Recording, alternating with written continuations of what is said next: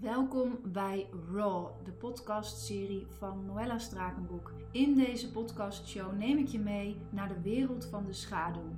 Ik zal je prikkelen en inspireren om zelf naar je eigen schaduwstukken te kijken. Want zonder schaduw geen licht. En dat is wat de wereld nodig heeft. Enjoy the ride.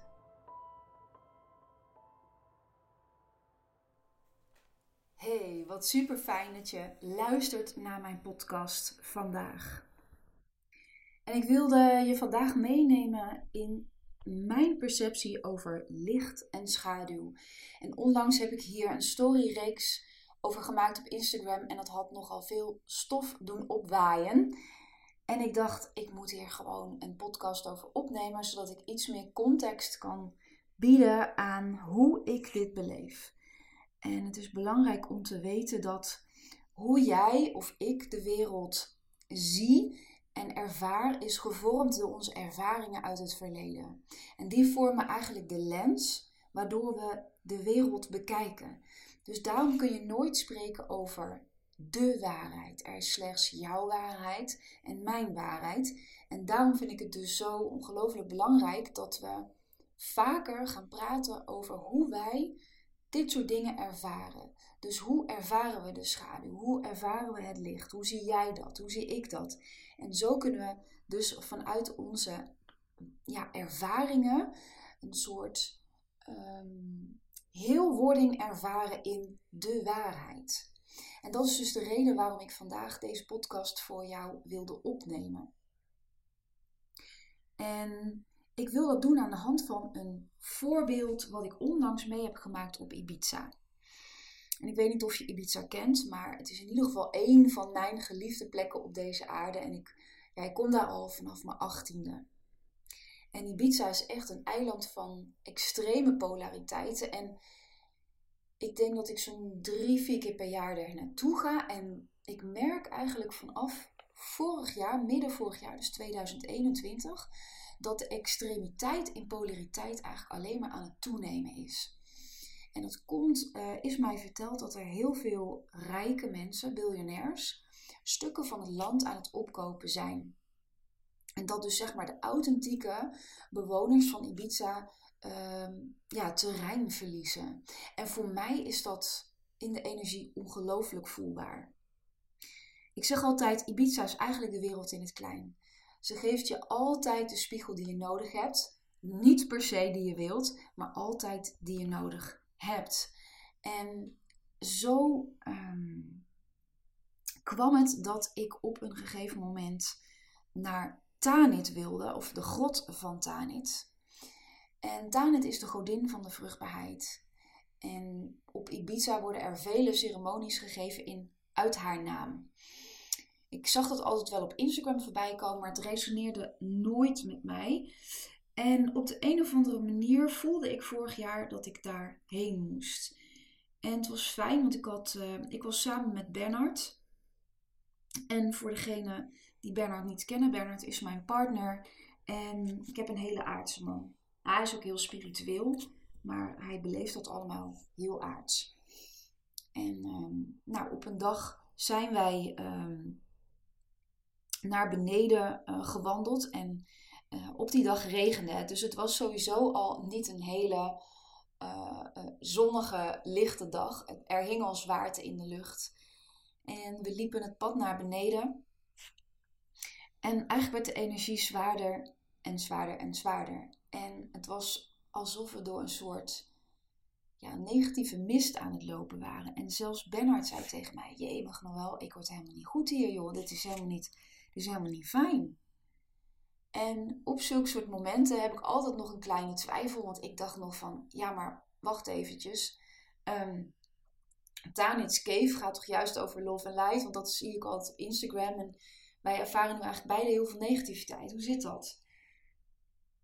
En op dat moment uh, zei ik tegen Bernard van... Nou, laat mij maar heel eventjes uh, hier zitten. En ik ben vlak voor de grot gaan zitten. En we hadden echt uh, heel veel geluk, want er was niemand. Dus we hadden heel veel rust.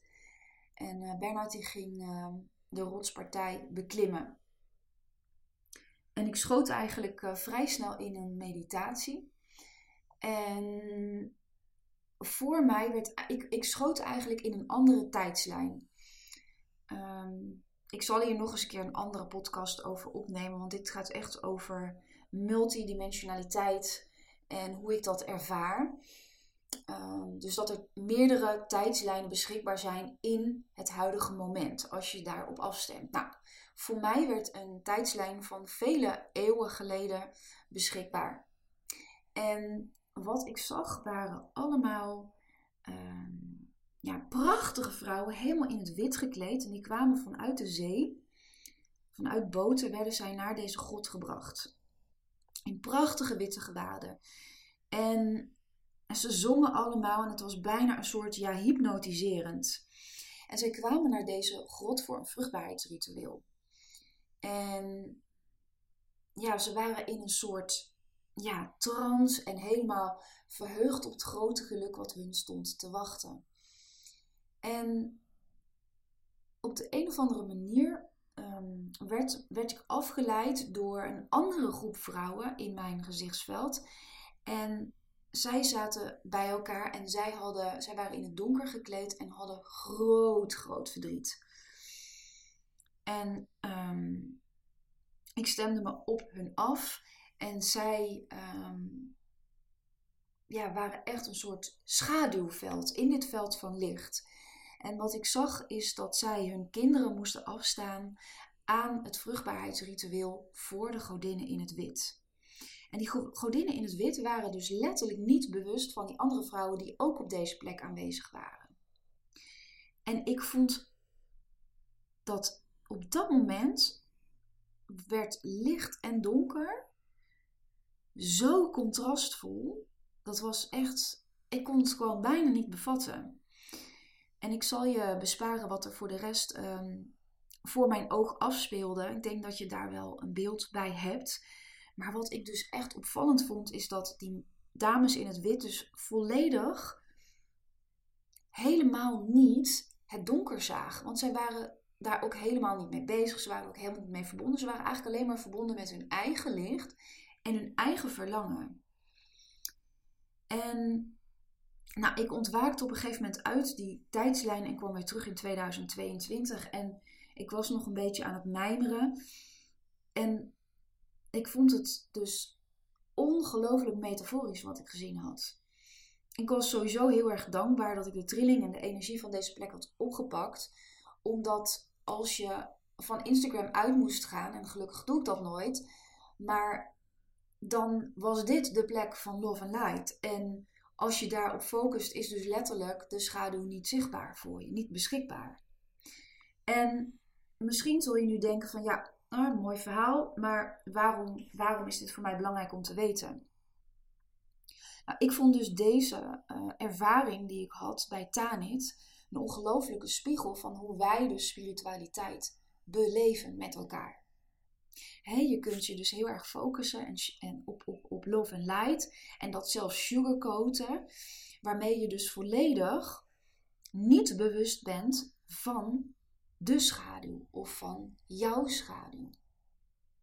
En daarmee gaat dus eigenlijk een volledig veld aan je voorbij. Want je, je, je overroelt het eigenlijk als het ware. Terwijl als je je afstemt op jezelf en ook op de diepte van jouw zijn, dus niet alleen op de oppervlakkigheid, dan kom je dus terecht in een wereld die in eerste instantie donker is, maar die tegelijkertijd jouw grootste schat bevat. En dat is jouw innerlijke kracht. Dus als je die bereidheid hebt om in je eigen schaduw te duiken, dan geef je dus per direct jouw licht zoveel kracht. Het is letterlijk goud dat ligt te wachten op jou op het moment dat je dus bereid, bent om af te dalen in jezelf. In het donker. Door het onbekende. Dus echt letterlijk jouw schaduwwereld betreden. En ik zie dit als mijn persoonlijke missie in dit leven. Ik ben zeker heel erg gefocust op zuiverheid en op licht. En dat is ook een groot werkveld. Maar tegelijkertijd ben ik ook echt een schaduwwerker. En ik heb echt een missie. En dat is dat ik in de spirituele wereld laat zien dat er ook schaduw bestaat. En dat vond ik heel interessant van mijn storyreeks. En wat dat aan gesprekken had opgeleverd, is dat heel veel vrouwen zeiden tegen mij: Maar Noël, het is toch helemaal niet nodig om de schaduw te noemen. En ik dacht: Ja, dat is het dus wel. Want vanuit mijn ervaring, vanuit mijn retreats en mijn transformatiewerk, zie ik het belang van het benoemen en het bewust maken van de schaduw. Het is echt, echt ongelooflijk belangrijk. En deze gebeurtenis op Ibiza illustreert gewoon zo mooi hoe licht en schaduw werken en hoe zij zich verhouden tot elkaar. Je zou kunnen zeggen dat de godin het wit helemaal geen oog heeft voor de schaduw. Het bestaat letterlijk niet, want zij heeft zich alleen maar verbonden met love en light. En haar verlangens en in deze context haar eigen vruchtbaarheid. En zij heeft dus letterlijk niet in de gaten dat hiervoor een offer noodzakelijk is van een andere vrouw. Waarmee ze dus haar licht belangrijker maakt dan het licht van een andere vrouw. En ik hoop dat je met mij mee kan voelen hoe dit dus een voorbeeld is van hoe wij spiritualiteit beleven. En dit is dus een dynamiek in ons, maar dus ook buiten ons. Want als wij de schaduw negeren in onszelf, offeren we automatisch een deel van ons zuivere licht. En we brengen dat licht in balans door ook die schaduw te erkennen. En als we onze eigen schaduw negeren, dan wat wij dan mensen, wat wij als mensen gaan doen, is wij projecteren de schaduw buiten onszelf op een ander. En in dit voorbeeld zou je dus kunnen zeggen dat voor het licht van de een uh, ontneemt het licht van de ander. Dus zij, zij zal letterlijk niet uh, toestaan dat iemand anders naast haar in het licht komt staan. Want ze offert letterlijk het licht van de ander voor haar eigen licht. Dus met andere woorden, die schaduw is zo'n belangrijk onderdeel van wie wij zijn. En als wij de schaduw erkennen, maken we ons licht zoveel malen krachtiger. En ik heb dit zelf echt aan de lijve ondervonden. Want ik kan me nog voorstellen dat dit is een mooi voorbeeld. En dat je nog denkt van, ja, maar what's in it for me? waarom zou ik naar die schaduw gaan? En misschien ken je mij als de creator van het Bliss Deck. Vele malen jaren geleden creëerde ik het deck. En was ik heel erg verbonden met het licht. En was ik letterlijk niet bewust van de schaduwwereld. Niet in mijzelf. En ook dus niet buiten mijzelf. Ik had mij letterlijk alleen maar verbonden met bliss. En ik heb toen in de privésfeer een aantal dingen meegemaakt. Ik heb een, uh, een drietal miskramen gehad. En dat bracht zoveel schaduw en donkerte in mijn leven dat ik moest wel naar binnen gaan. En ik moest naar mijn binnenwereld ehm, gaan. En dan ook nog eens naar mijn baarmoeder. Want ik vond het zo verwarrend dat ik letterlijk. Uh, ja, ik, ik ervoer letterlijk dat de dood in mij zat. En ik kon het niet matchen met bliss. Snap je wat ik bedoel? Ik, ik dacht van, hoe kan het nou? Ik, ik, ik ben zo met bliss bezig. En die hele ervaring, en dat heeft echt wel drie, vier jaar geduurd, leerde mij van, ja, je kan je wel focussen op bliss, maar ja, ehm, op een gegeven moment is het ook jouw tijd om naar binnen te keren. Ook al ehm, ehm, zie je daar zelf de noodzakelijkheid niet van. En deze drie miskramen hebben mij dus echt naar mijn eigen binnenwereld ja, gedwongen. Dat zou ik wel kunnen zeggen. Want ik was echt heel erg in de war. Ik was heel erg boos op Spirit. Ik, ik werkte natuurlijk al 15 jaar als medium en ik voelde me zo genaaid. Sorry voor mijn woorden, maar ik voelde me zo erin geluisterd. Ik zei van ja, ik werk nu al zo lang voor jullie en dit is het dan. En ik weet nog toen ik zwanger was van mijn eerste kindje, maakte ik contact met hem en hij zei: Ik ben bij jullie om jullie een grote les te leren, maar weet dat je het aan kan. En ik kon dat toen helemaal niet plaatsen. Maar vele weken later, toen hij dus al weg was en niet meer bij ons was, ehm, of althans niet fysiek, snapte ik wat hij bedoelde. En ik kon toen niet voelen dat ik het aankon hoor. Dat zeg ik heel eerlijk. Ik heb echt een jaar lang in een depressie gezeten. Ehm, maar nu, vele jaren later, vind ik het moeilijk om te zeggen, daar ben ik eerlijk in, dat ik hier dankbaar voor, dankbaar voor zou zijn. Want het blijft echt een groot, groot verlies.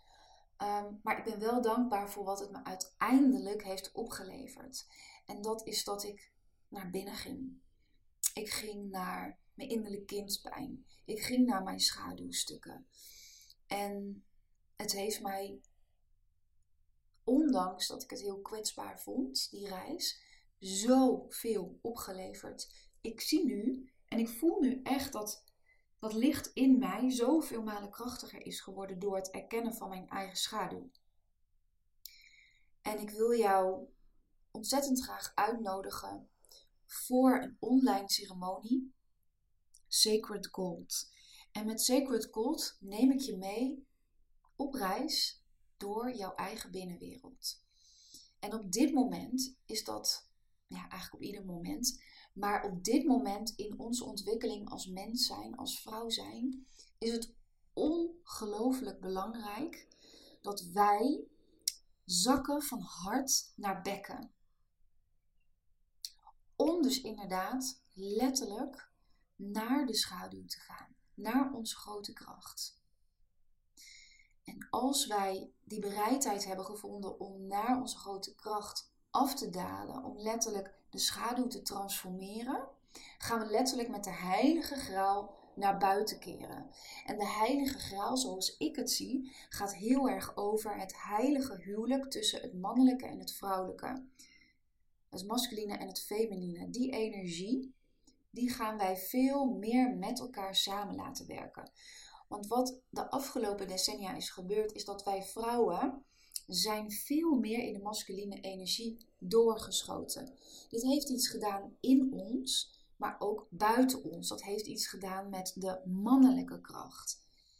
En ik denk dat wij de aankomende decennia echt de reis van hart naar bekken mogen maken, zodat wij vanuit die energie de mannen van hoofd naar hart kunnen uitnodigen. En dan krijgen we dus een heilig huwelijk tussen deze twee energieën. In onszelf en buiten onszelf. Nou, om dat nog wat, wat beter uit te leggen, dat is eigenlijk alweer een volgende podcast. Dus ik laat het hierbij. Ik hoop dat ik je met deze ehm, korte podcast heb mogen inspireren hoe de schaduw zich in ons, in ons beweegt en daardoor ook buiten ons beweegt. En waarom het zo belangrijk is om met je schaduw kennis te maken en om dat letterlijk te transformeren tot jouw eigen innerlijke goud. En daartoe nodig ik je heel erg uit.